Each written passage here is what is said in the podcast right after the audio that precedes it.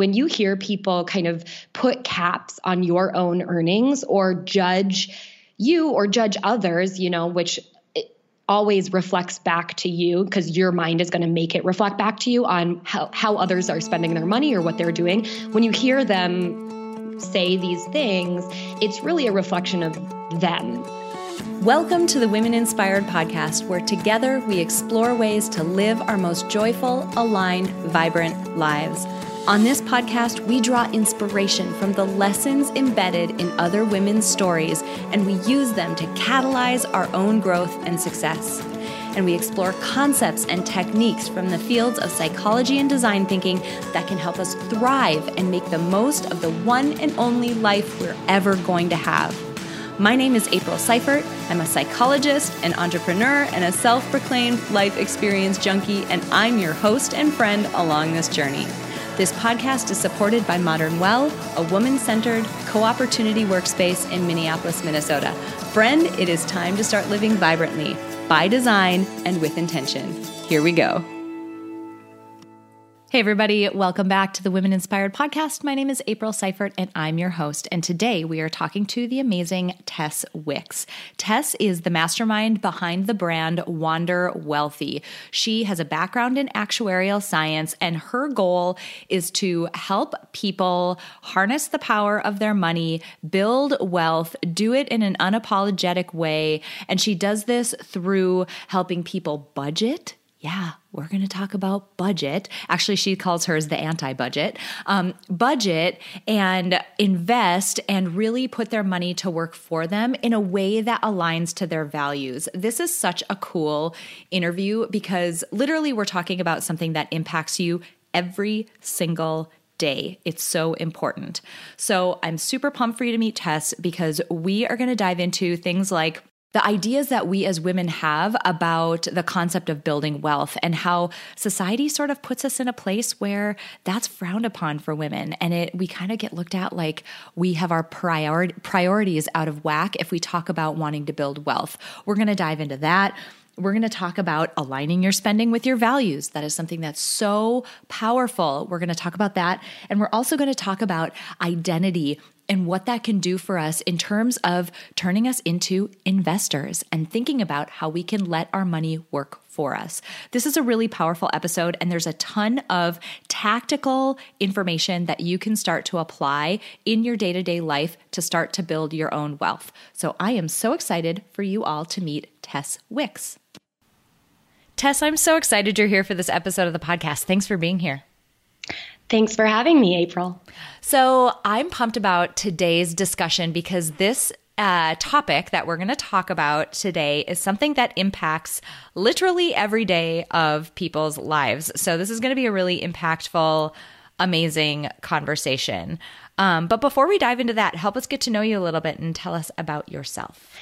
So, I'm sure you did a little introduction, but my name is Tess Wicks, and I'm the founder of Wander Wealthy, which is an online community and platform for women who are looking to get a hold of their personal finances and really make significant changes in their life through building wealth, saving, and even budgeting, which isn't always the sexiest thing, but it's bound to happen. So I help give them the confidence that they can take their money and apply big decisions and strategy and also some mindfulness to it and uh, have their money feel good for them. I love that. So, folks listening to this, you can obviously tell. Um, you know, we're we're going to be talking a lot about finances and um, some practical pieces, but then also some mindset pieces that I think really trip us up uniquely as women. Um, that really trip trip us up. So, I'm really pumped for this conversation because um, it's going to be really practically applicable for people. Can you tell me a little bit about? How you got into this in the first place because um, you have a really unique background in um, something that's actually close to some work that I used to do. So I'm excited for people to hear about your background. Yes. So I got into this work through my educational background. I went to college to become an actuarial scientist, which has nothing to do with science and a lot to do with math. And Um, luckily, I knew about that, but I had really no idea what I was going to do coming out of college with that education. I didn't really know what an actuary was. Uh, but basically, what an actuary does is takes data, um, applies statistics, and then puts them into financial problems that then you can help reduce risk for big companies. And I did actuarial science and finance and went into the financial world working for a big consulting company and worked there for a couple of years and finally got the entrepreneurial bug because I was living around some entrepreneurs and I saw their flexibility. And I also really was feeling this need to make a bigger impact than my role in the actuarial field, where it was like just me, little associate, plunking away at data and um, working for massive Fortune 100 companies, helping them save money on their retirement plans. So I took the leap. I didn't have a huge plan in place, which was dumb and I don't recommend, but also luckily I had a significant amount in savings. And that was probably one of my best things that I could do to get out of not the best work environment that I had found myself in. And I took that leap and started really doing some digging on where I wanted to make my impact. And I knew throughout my schooling, um, going back to college, thinking about uh, college and how I was in these financial classes, especially my investment classes. And I was one of four girls in a class full of guys who just seemed like they had it all figured out. And come to find out, like, at the end of the semester, they all wanted me on their team because they thought I had it all figured out. So it's funny the way life works out for you, but it always felt going through the the life of being a financial adult that for some reason the guys always had it figured out and I was just embarrassed to ask the questions. So I really started getting intimate with my finances and I had the background, I had the knowledge of how kind of the financial world works just from my schooling, but I knew that I had so many peers who were making good money but didn't really know how to manage it. And I had struggled with that a little bit because I was making a, a good income as an actuary, but I still had no plan for my money and I didn't know what to do. And I find that so many of us get into this spiral of not really knowing what that next step is or what our five year plan is or even what our 50 year plan is for that matter uh, because money can be intimidating and it's complex so i decided to start a, a platform that more so normalize the conversation about money. And I did that through podcasting. I later started a YouTube channel. I have a little bit on my blog, and then I created programs and offer coaching as well.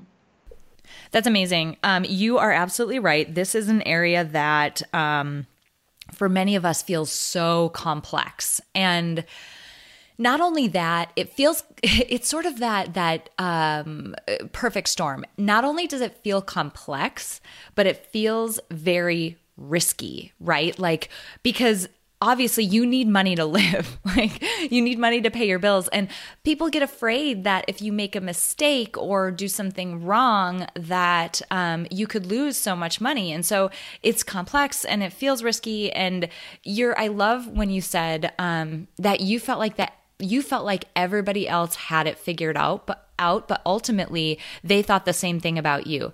And that's so often you know, is the case that we look at other people and think they know what they're doing. But where I think that gets dangerous in this area, and I'd love to hear what your thoughts are, where I think it gets dangerous in this area is that we might look at this and think, wow, other people have this figured out. I don't know anything. I'm embarrassed to ask the really basic questions. So I'm just going to keep myself out of the game entirely. And that feels so, I mean, that feels like the biggest risk of all because your money's literally not working for you at that point, then.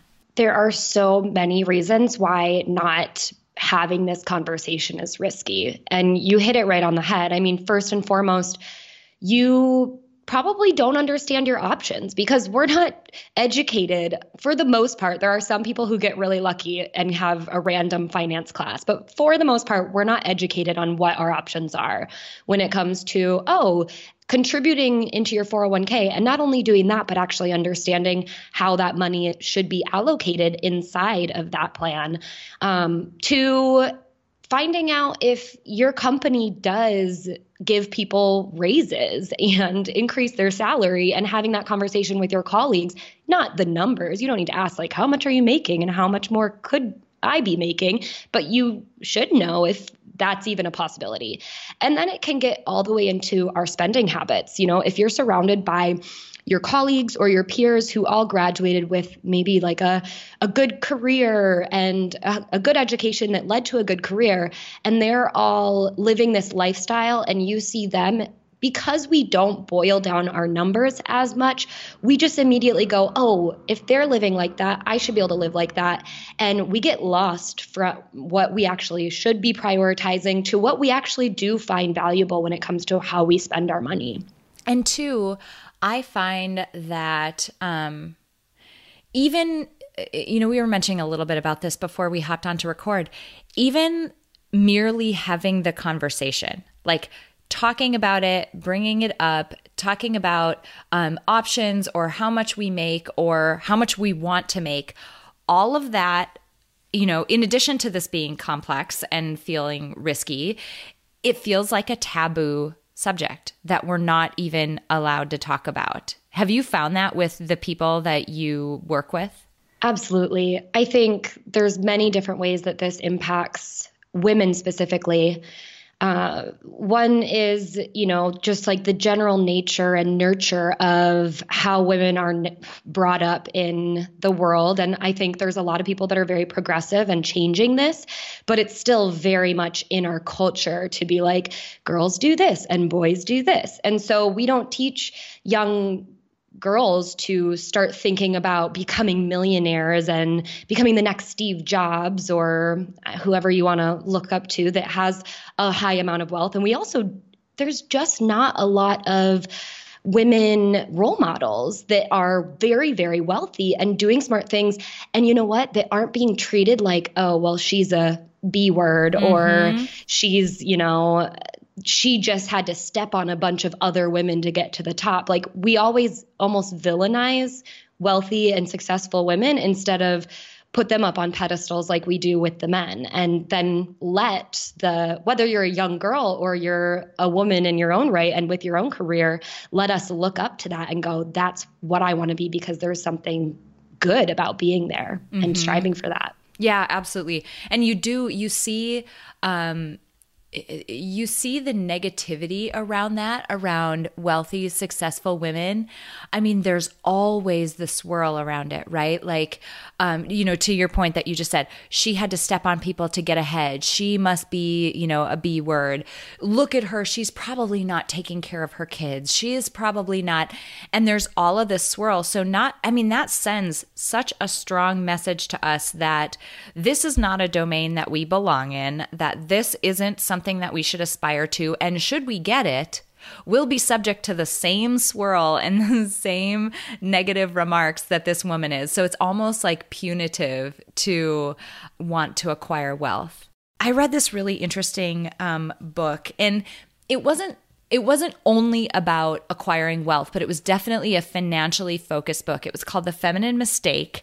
Um, it was, you know, kind of a pun on the feminine uh, mystique, the, you know, older book. But there were some stats in the book, and I, I should have looked them up before we hopped on to record, but it is this insane percentage of women who you know, we tend to, when we're in a relationship, in, you know, uh, heterosexual relationships, especially, is kind of what I'm talking about right now. But um, in a relationship, leave this domain to men. And there was this insane statistic around the proportion of women who will end up being the breadwinner for their family because their husband either, you know, becomes sick or disabled or dies or a divorce happens or something happens that takes that man out of the workforce or takes makes him unable to be the breadwinner of the family. And so just those statistics alone and this was talking more about like career pathing and that type of thing. But when you think about that in a broader context of wealth, we have to be able to stand on our own. Like, we have to be able to independently understand this and know, understand how to make the most of our money because you know, minimally, like we could end up in a situation where we have to provide for ourselves. But in the best case scenario, I mean, imagine how wonderful it is when you've got, if you're in a couple, you've got two people who know what they're doing, like the magnitude of the impact that that can have. So there's just really no great reason for us to take ourselves out of this game. It's just, it just isn't smart. Yeah, you're you're spot on. And the actuarial side of me goes, and women live longer. You know, we, right? Yes, we're making less, and equal pay or not, you know, if you're able to negotiate your pay, there's still no criteria for a company to pay you if you do choose to go on maternity, have kids and go on maternity leave or, you know, take some time off to care for your children. And so there's so many different factors that still cause women to make less over the span of their lifetime and yet we're living longer. And there's also so that first shows the need for us to understand you know we don't need to complain about the the situation that we're in the systematic situation but understanding that and then leveraging our knowledge and the the tools that are available to us that are equally available to to men as well. Um, and even yes you're spot on. Like if you combine it as a partnership the, what you can do with that that knowledge and those tools to leverage growth and wealth you know if you start getting into investing that's something that's going to help cover both you and your spouse but then also take care of one of you if one of you are is to you know die or get sick or something else happens Totally. And I, I bring this up, and it was something that really resonated with me. Folks who have listened to this podcast for a while know this, but um, my dad passed away when I was 11. And so if you think about that, you know, my mom was very, very traditional and initially. Like she didn't go to college. She lived with her parents until she moved in with my dad. She really let him, um, you know, he was the breadwinner. She let him handle all of that, whatever. And no one expects their situation to change. Nobody expects that the boat will get rocked to that degree. But my dad passed away, suddenly we went from this dual income to one income with two kids, and she had to shoulder all of it. And I watched that happen. And that was just, I mean, it was such a powerful um, lesson for me to learn that this isn't something that you can just passively leave to someone else to manage because you can end up in such a difficult situation and on the flip side of that so that's kind of like the the side of it where you know things can go um you know go south quickly and, and you can end up in a situation where you don't have enough. But many of us um, even our aspirations. So I'll, I'll tell one more anecdote. Um, I was talking with uh, somebody um, in my entrepreneurial sphere with the work that I do within data science. And I made the comment about um, having some pretty lofty revenue goals for what I want to make in the next um, handful of years. And this person, this guy, looked at me and he said, if you're in this for the money, if you're trying to make a lot of money, you're in this for the wrong reasons. And it was such like a punitive comment to say back. And we experienced that a lot. And I'm just wondering if in your situation, you know, you've got a captive audience of largely women listening to this, what inspiration or insight or what catalyst can you give us that's sort of the permission we need to be more unapologetic about the fact that we should get to you know go after wealth. Like we should get to acquire wealth too. So i'm just wondering from your perspective as an expert in this area what permission you can give us to help us get in the right state of mind to feel more okay about that. Yes. Okay so I use this both in terms of wanting to make more, but also, you know, for me, my my story is I grew up in a very a pretty privileged setting. You know, whenever we I'm one of four kids, and whenever any of us asked for anything, we would get what we wanted. But I was the last kid, and I saw my siblings using and I would say abusing, but it's not like anything bad was happening, but using and abusing this this right that they were born into. And so I would get really I would put my guards up and I would, you know, clench up and think, okay, I'm going to be the smart one who only asks for the smart things and I'm going to be smart when it comes to money and that's the the weight that I'm going to bear. And it impacted me throughout my adult life. So I think one thing is when you hear people kind of put caps on your own earnings or judge you or judge others, you know, which always reflects back to you because your mind is going to make it reflect back to you on how, how others are spending their money or what they're doing. When you hear them say these things, it's really a reflection of them and how they feel about their own you know, upbringing or capability with money and their experience. And it has nothing to do with you. So that's one thing to remember because I had to work so hard to break that. I was always very aware that I was extremely judgmental of how other people spent their money up until probably just a year ago. Like I've been working on this for a couple years trying to break this because I started being like, "Oh, I would like a luxury bag, but oh my gosh, the smart money, practical money person inside of me would never want that because that's such a waste of money. And when you get to that point now, just when you're working on your own internal dialogue, it's really getting comfortable with knowing that there's a difference between wanting something to feel or wanting to some something to numb or wanting something to to just be able to feel some certain feeling and fill a void versus wanting something because you just truly want it and you desire it. It's not coming from a place of scarcity, it's coming from a place of I deserve it. That's what I that's what I want. That's my desire. I already feel like in your work, April, you could think I feel infinitely abundant in the work that I do, but if I'm going to, you know, continue down this road, I, I have these revenue revenue goals because that's what I desire. That's where I want to give and serve, and I want to see that service and gifts come back to me. And I think we can all start rethinking the way that we're putting our own caps or we're letting other people put caps on our income as well as you know how we spend that money and in a way when you're spending money it's really just an exchange of value so it's not like you buying the purse means you're losing money. You're just exchanging physical dollar bills or cash on in your bank balance for something else that is physically valuable to you.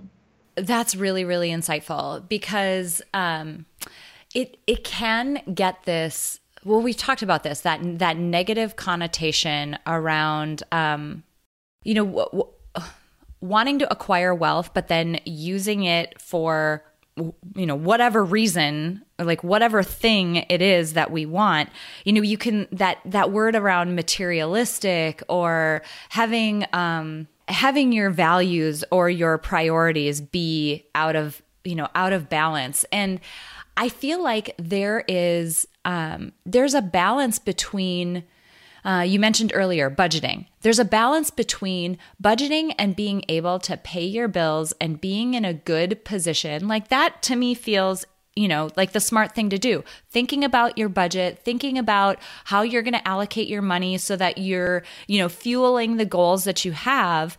But then when you do have extra or you've achieved something or you want to reward yourself, there is nothing wrong with rewarding yourself with something that you just love and are excited about.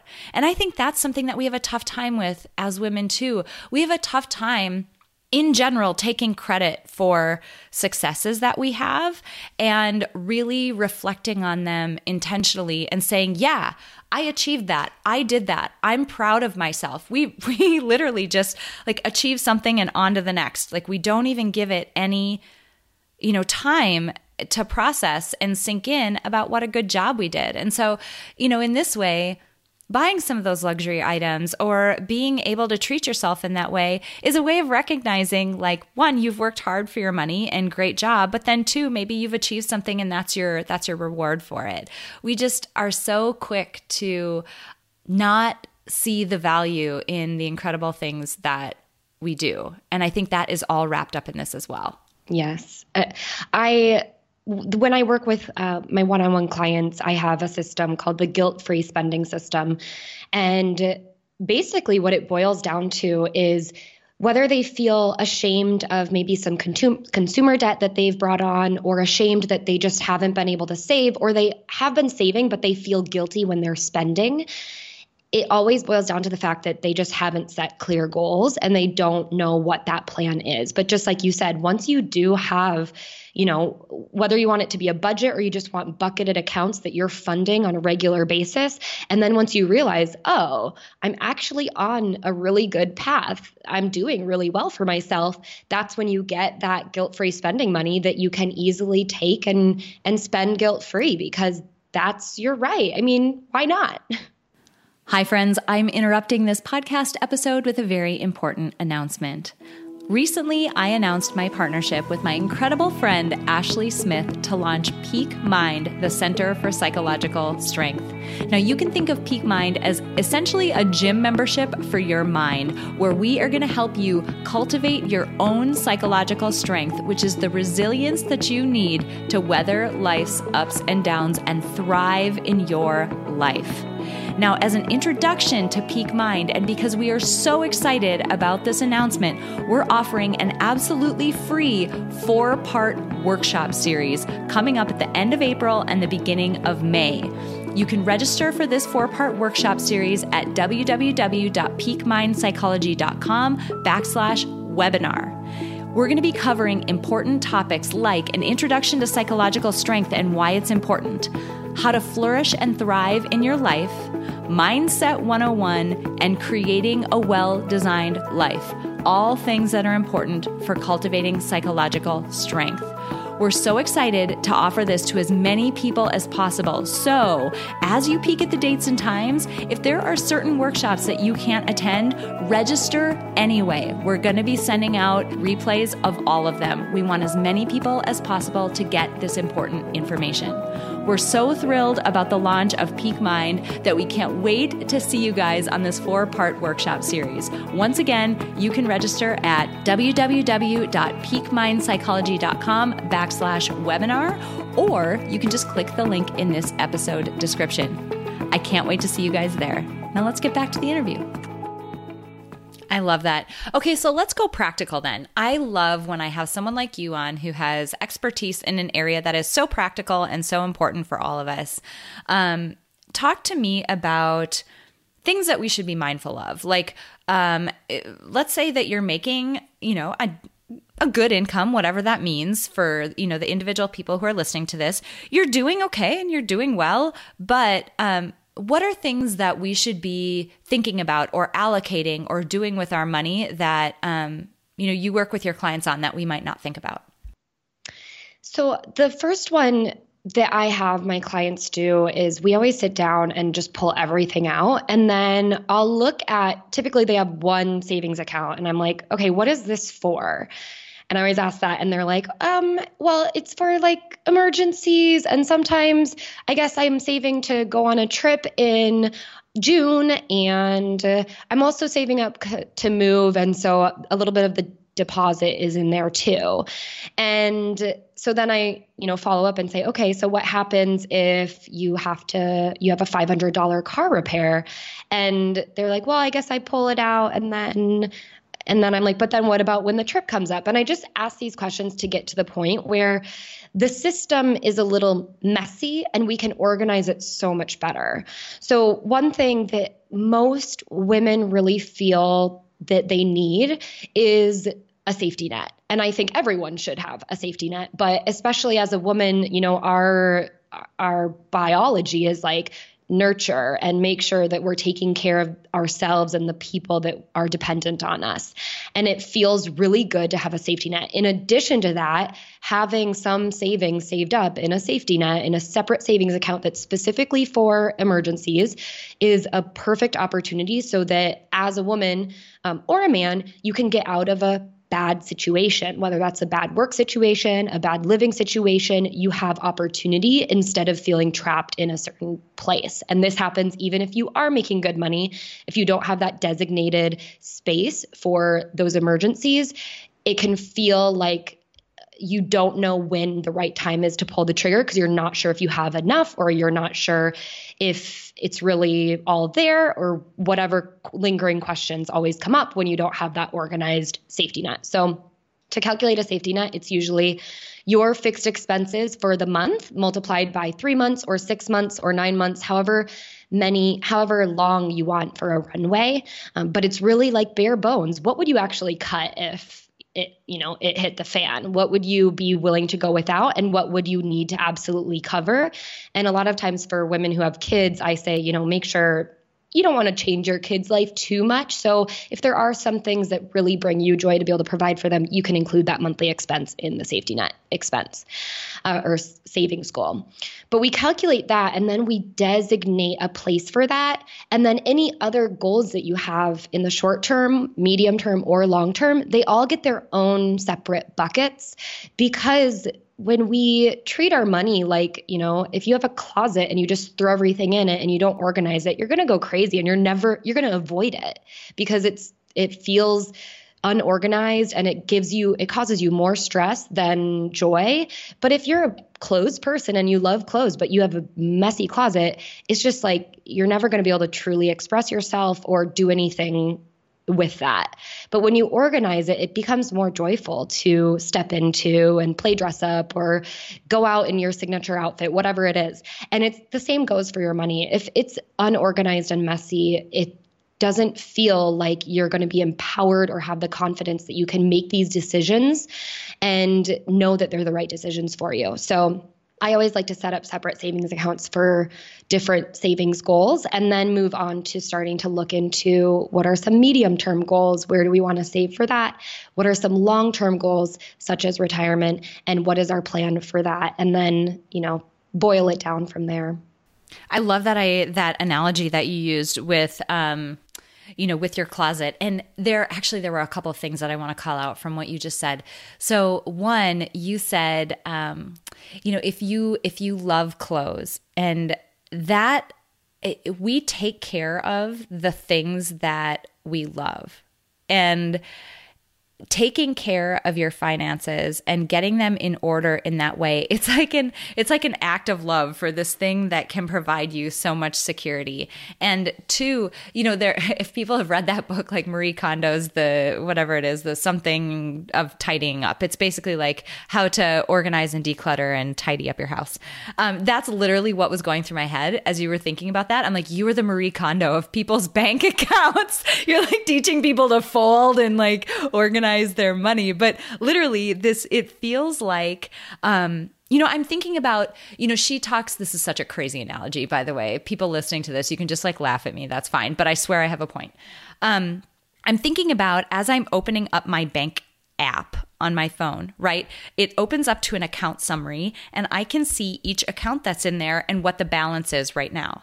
And you can nickname those accounts. And I'm just thinking to myself, oh my God, totally using Marie Kondo right now again, how much joy would that spark? Or how much comfort would that give me? Or how happy would that make me if I opened up that account and I, or opened up that app and I saw several accounts, one of them named vacation and one of them named car payment and one of them named emergency. And I saw a growing number next to each of those words. Like it is. It just gives you that peace of mind that, like, yep, I'm on track for my vacation. Let me just sit here for a minute and think about that tropical drink that I'm going to be drinking because of that money that's in that account. It's just such a neat way to approach it that I had never really thought about before about how that organizational system can give you so much peace of mind. I love that.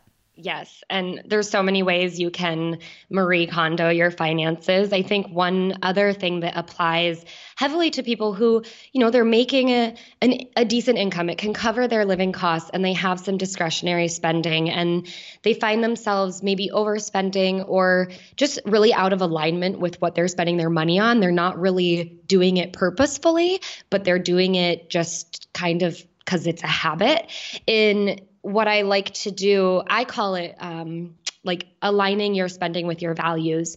But you can also approach it in a Marie Kondo way, which is looking at your expenses and deciding if they spark joy for you, or if you're just spending on these things because it's a habit, or because you're doing it to fit in with a certain crowd, or because all of your colleagues are doing it, so you're going to do it too. And really deciding what is truly a core value for you and how does that shine through shine through through your bank account. Something that's really interesting, and I'm wondering if this is something that you do, or I'm curious about your thoughts about it. Uh, I was reading, man, the book is completely going to escape me now. I don't know. Um, but there was a book that was talking about um, ca- your calendar, like how you organize your time. And it had a very similar approach, like organizing your calendar to align with your value system.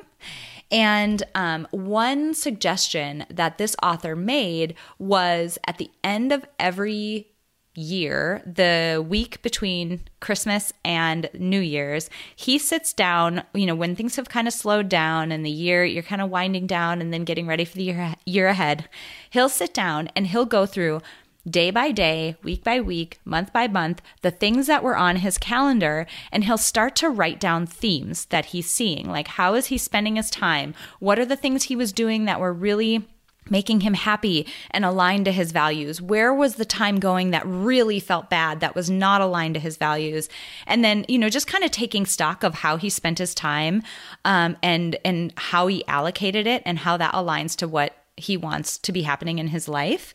And then from there, he sets goals. Like once you see those themes, it's like, oh my gosh, I need to stop saying yes to these things. I need to schedule more of this other stuff. And that audit process was just so enlightening. And I bet people could do that same thing with their bank account. Like if you pulled the last, I don't know, three to six months of spending and you look through your bank account, like which of those expenditures were ones that really fill you up and like make you feel good and which ones were ones that um you know are are more shallow and they just didn't do it for you and i think that would give you some I guess intention going forward and a set of you know general rules that you could follow to help you spend in alignment with your values much more so. I so I just love that you you know mentioned it as a values based thing. I had never thought about that. Yeah, that is actually one thing that I have uh, people who go through my money program do. And I thought they would hate doing this. And it ended up being something that they love. And I always get rave reviews about it is they'll dig into three months of their spending and they'll kind of categorize it up and then look at how that reflects based on what they re- truly feel are their core values. And one example that I always love to bring up is, you know, someone who really holds themselves and has a value of health and taking care of themselves. So like health and well-being maybe fitness falls under under that or shopping at whole foods. But then they spend a lot of money on eating out and going out for drinks and whatnot with with friends or colleagues. And seeing that that does tend to be a huge makeup of our expenses is either groceries or restaurants and sometimes it's both and then you really know there's something going on there. Um, but sometimes you think i'm i'm a person who shops at the health food store and i make all my food but then in reality your spending is saying mm, you creep over here quite a bit. And it really helps you go oh i didn't even realize i was spending that much in these places.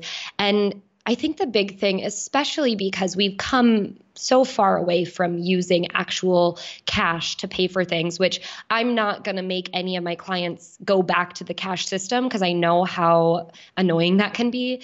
But we've lost a lot of the tangibility with the actual exchange of money. And especially with credit cards and the ability to go into debt now, too. So the budgeting system that I use really helps people become more aware with the actual exchange of their money. But this exercise also brings awareness to where your money is actually going versus where you thought maybe most of it was going. Love that. I totally love that. Um, so again, you've got this captive audience, and I swear we could just chat through this stuff all day because I just think it's such an important topic. Um, but I'm wondering if you can maybe leave my audience with, like, if you were going to tell them to do absolutely one thing today, like, there is going to be one impactful thing that um, you know, every single one of us should run out and do today in order to maybe put ourselves in a better position or become aware of something that we might not have been aware of before or learn something new? I don't know. Um, what's kind of the one um, catalyst or the one thing you would have us do? Really giving me the floor to I mean, boss you guys around. Yeah, like the world is your oyster at this point. okay, so we've been talking a lot about spending and budgeting and saving for kind of the short term, but I do want to flip the script and say, I think the most empowering thing you can do for yourself is something that is extremely scary and feels really risky but realize that you know this is what the wealthy of wealthiest of wealthy people are doing and get on board with them. And you can start very small and that is to invest. And so whether it's through your 401k through your employer or whatever similar plan you have through your employer or maybe you have an IRA or a Roth IRA which is an individual retirement account through a brokerage account brokerage company or you can open one up and just put like 100 or 200 dollars there. And there's definitely a way you can allocate those funds so you can make a smart decision but it's not really about that. It's about just doing the act of investing. I wouldn't pick an individual company so pick like an index etf or index mutual fund.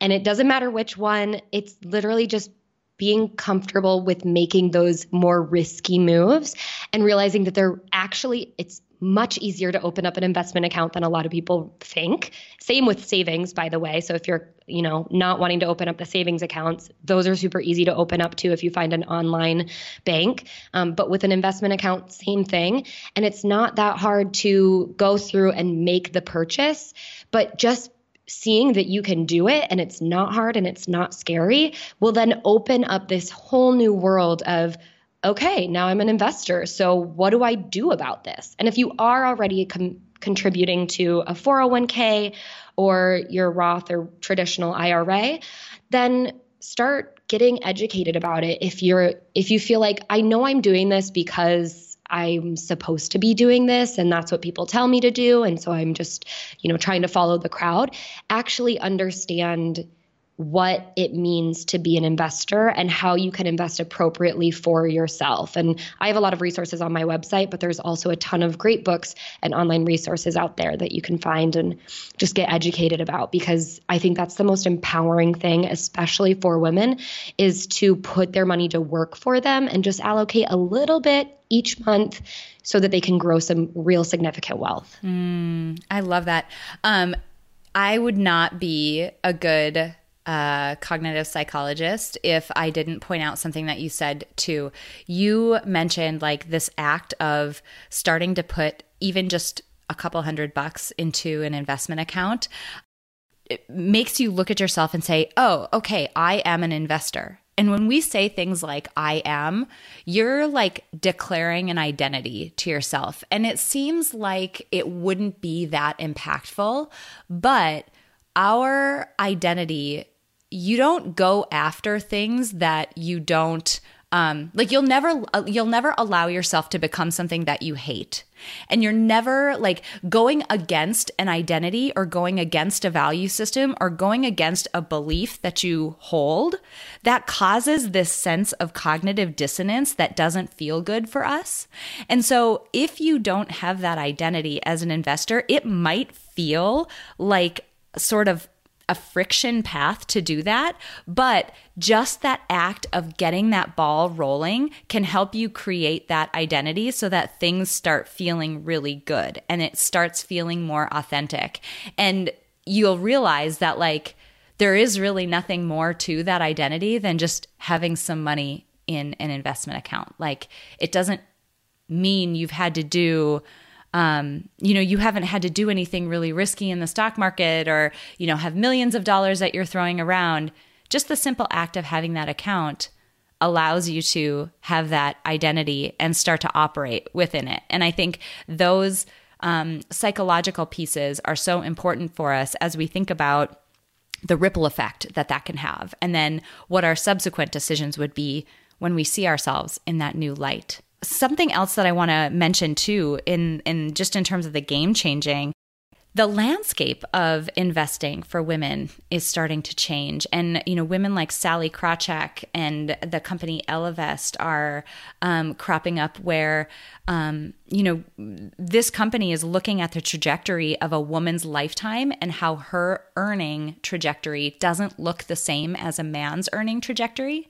And so those are being taken into account to help um, help women grow their wealth using slightly different, I guess, investing assumptions than they would use than the ones that were developed that were based on a man's earning trajectory. So it's just really exciting to me. Not to, I don't get paid to, you know, pitch that um, platform or anything like that. I just bring it up to say uh, it's really exciting to me that the landscape is starting to change, that we're starting to have more of a conversation, that it's becoming more, we're not there yet, as we talked about, but it's becoming more um, acceptable and um, uh, more commonplace for women to talk about money and earn their own money and think about how to grow it. So it's just really exciting for me that people like you are doing the work that you're doing, um, because ultimately, you know, money buys us opportunity and it buys us flexibility and it buys us freedom and it buys us um, experiences, and you know that's really what it's all about. So I just love that love that you're doing the work that you're doing, and I think it's just amazing. Well, thank you.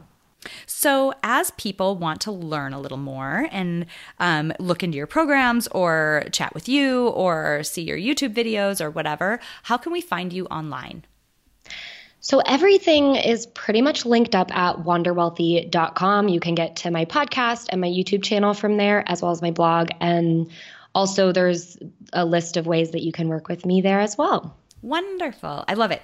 Um, this has been such a cool conversation. As I mentioned, such an impactful topic, something that is so incredibly important for us all to know more about and take more of an intention, like an intentional um, look at and be more actively involved in. And so I just appreciate you being here and sharing your expertise and all of this amazing um, info with us. So thanks so much, Tess. Thank you, April. This was super fun, and I really appreciate you having me on. All right, you guys, I really hope you enjoyed that episode with Tess Wicks of Wander Wealthy. All right, so we were talking about money today, right? And before I dive into the things that I want to highlight about this episode, I wanted to mention that I have a number of episodes that are focused on finances and building wealth and money mindset and other factors that help you build your wealth and become more financially comfortable and stable. Two of them that I want to call out, although there are many. Go to my website, aprilseifert.com. Scroll down, there's a search bar. Just type the word money in, and you'll end up getting a handful of episodes that are all focused on the same topic if it's something that you want to learn more about. But two episodes that I want to highlight. Episode 15. Oh my God, so back in the day. It's crazy. Number one, go listen to episode 15 because you'll see how far I've come since then. Um, things have improved over time. So there you go. Go do the stuff you want to do and don't worry about it if you're bad at it because it doesn't matter. But anyway, Episode 15, I spoke to a woman named Meredith Jones, and she is the author of the book Women of the Street Why Female Money Managers Generate Higher Returns and How You Can Too. This is all focused on investing.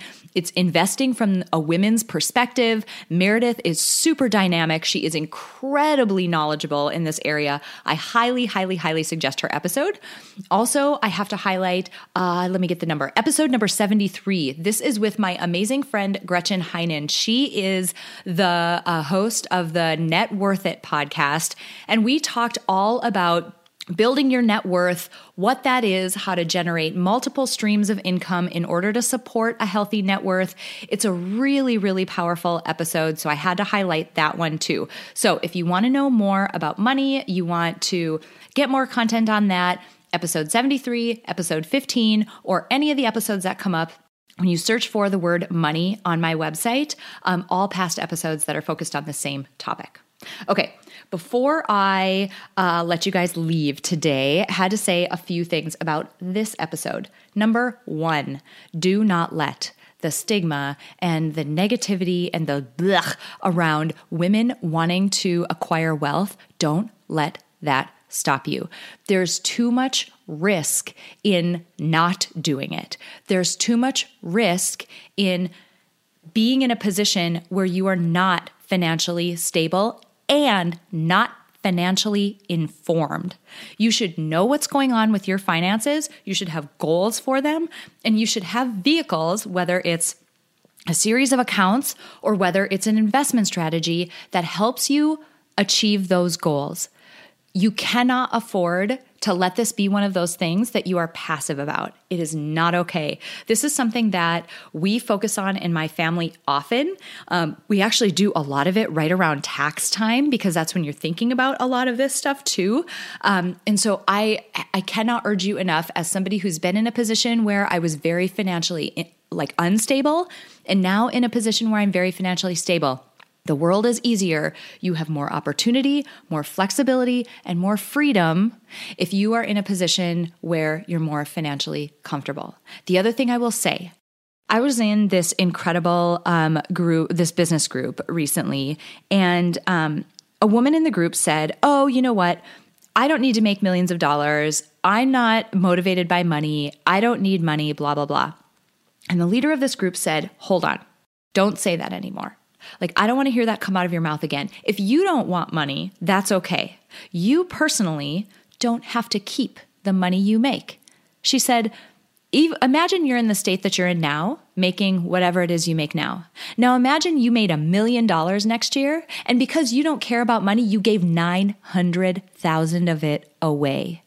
Think about the impact that $900,000 could have on other people's lives. So don't say that money is this evil thing or somehow money has this negative connotation to it. Money is just money. What we do with it and how we are as people and what our value systems are, that's where this valence comes in positive, negative. Money itself is just a tool to get things done. And so, if you're a good person and you have great values and you have the right intentions, money will just magnify that. So, please take that to heart and keep that in mind. If you ever catch yourself saying, Oh, I don't need money, I'm not driven by that. There's so much more you can do with it um, beyond, you know, just keeping it for yourself. And keeping some of it for yourself is okay too as we discussed on this episode. Number two, aligning spending with values. I loved that conversation. Oh my gosh, I just did a webinar for, um, in conjunction with my amazing friend Leslie at Mom's Hierarchy of Needs. Um, check her blog out, by the way. She is incredible. Um, we just did a webinar about aligning your calendar with your values. And it makes total sense that you would do the same exact thing with your bank accounts and with how you spend oh my gosh, how incredible. So I love that conversation. It's just such a neat way to be so intentional and more actively involved in the way that you make decisions about your money and talk about you know, an awakening and a self awareness when you look back at how you've been spending your money and whether it's aligned with your values. This is something that I'm literally going to go out and do uh, today because I'm really curious and actually a little bit afraid. And last, I have to highlight this notion of our identities and the impact that they can have on our decisions and behaviors. And in this case, our decisions around money and our behaviors around what we do with it. Our identities are all wrapped up in how you would answer the question, people like me, or how you would fill in the blank. People like me, what? People like you, blank. Fill in that blank. Should, shouldn't, do, don't, what? And around the concept of money, people like you, what? Do they make a lot of money? Do they try to make a lot of money? Do they give money away? Do they spend money wisely? Does money come to them easily? What? People like you, what? And in particular, people like you make about how much money? The way that you answer those questions will impact how your mind goes to work for you and how you um, approach decisions and see or don't see opportunity out just in everyday life. So the work that you can do around your identity, and you know, I love Tess saying, yeah, open up a retirement account or an investment account and put 200 bucks in it. You are an investor. That's all it takes. And that'll start building that identity. And once you've got that identity around I am an investor, that just becomes something that you do more regularly. When you have a few bucks lying around, you're an investor. You invest it. And the more you're investing, the more your money is going to work for you, the more it's buying you opportunity, flexibility, freedom, contribution, and so many other bigger things that are, you know, more valuable than the paper that money is printed on. So, this episode was one that was so near and dear to my heart just because of the journey that I've had in my own um, financial situation. It's so incredibly important to women to be such active participants in their own financial um, life and decisions. And I'm so thrilled that you had the chance to meet Tess, learn about her background, and take some time to think about your own financial situation. All right, you guys, I am so thrilled that you stopped by to hang out with me this week. Uh, can't tell you how much it means. I say that every week, but oh my God, you have no idea how much that means. Um, excited to see you guys next week with another amazing interview. Have a good one. Before we close out today, I want to say thank you to my producer, Cameron Hill, and to my incredible sponsor, Modern Well. If you want to learn more about how you can reach your goals in a one of a kind work life community, visit www.modernwell.co. If you enjoyed this episode, please share it with someone else who might benefit from this inspiring message. And if you have a moment, click the link in the episode description to leave me a rating and a review on iTunes. It would mean so much to me. Finally, I want to remind you that it is absolutely possible to live a happy, fulfilling life, even in spite of all of the chaos and demands we all experience. Sign up at aprilseifert.com to gain access to tools that will help you do just that. I have carefully created and curated a set of tools that combine the powerful fields of psychology and design thinking to help you intentionally create a fulfilling, happy life you love. Thank you so much for joining me this week, and until next week, stay inspired.